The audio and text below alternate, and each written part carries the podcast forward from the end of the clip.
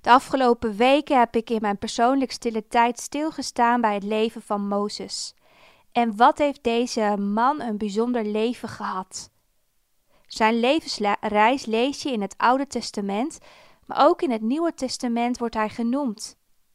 Dat geeft aan dat hij een bijzonder mens was met een unieke bediening.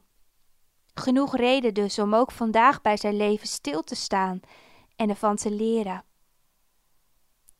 Mozes.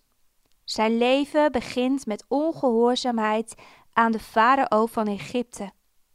Twee verloskundigen, Sifra en Pua, waren godvrezende vrouwen en weigerden te luisteren naar het bevel van de koning dat ze alle Hebreeuwse jongetjes bij hun geboorte direct moesten doden. Sta eens stil bij deze twee moedige vrouwen. Dankzij hen ontzag voor de Heere zeiden ze nee tegen onrecht. En het lijkt erop alsof ze deze moedige daad hebben doorgegeven aan Mozes. Verzet tegen onrecht was de basis van Mozes karakter en geloof. En nu weer terug naar de twee verloskundigen die een verschrikkelijke opdracht kregen van Farao. Dat bevel konden ze niet opvolgen en wilden ze niet opvolgen. En toen ze hierop aangesproken werden, gaven ze een heel slim antwoord. Je leest het in Exodus 1, vers 19. Ze zeiden: De Hebreeuwse vrouwen zijn anders dan de Egyptische. Ze zijn zo sterk dat ze hun kind al hebben gebaard voordat wij komen. Het lijkt erop alsof ze een leugen gebruiken.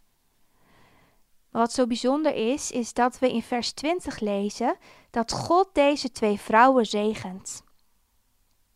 Misschien hebben ze nooit geweten dat ze door God werden gebruikt, maar omdat ze goed wisten het verschil tussen recht en onrecht, omdat deze twee vrouwen Godvrezend waren, spaarden ze het leven van Mozes en van vele andere jongetjes. En zo, broer en zus, kunnen we uit deze geschiedenis al heel wat lessen leren. Ik wil er stilstaan bij twee. Les 1. Heb ontzag voor God. Broer, zus, wanneer jij je verbindt met Hem en je leven geeft aan Hem, dan kan Hij jou gebruiken.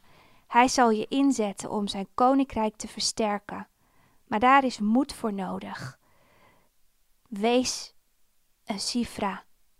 Wees een Pua. In de Bijbel staat, en dat is vers of les 2, dat we de overheid moeten gehoorzamen. En Gods woord is daar heel duidelijk over. Maar als we teruggaan naar dit Bijbelverhaal, dan lezen we dat Sifra en Pua niet gehoorzaam waren aan de farao. Het kan dus zijn dat er een moment komt dat we meer moeten luisteren aan het hoge gezag, aan God. En dan is het zo belangrijk dat je God kent, dat je ontzag voor Hem hebt.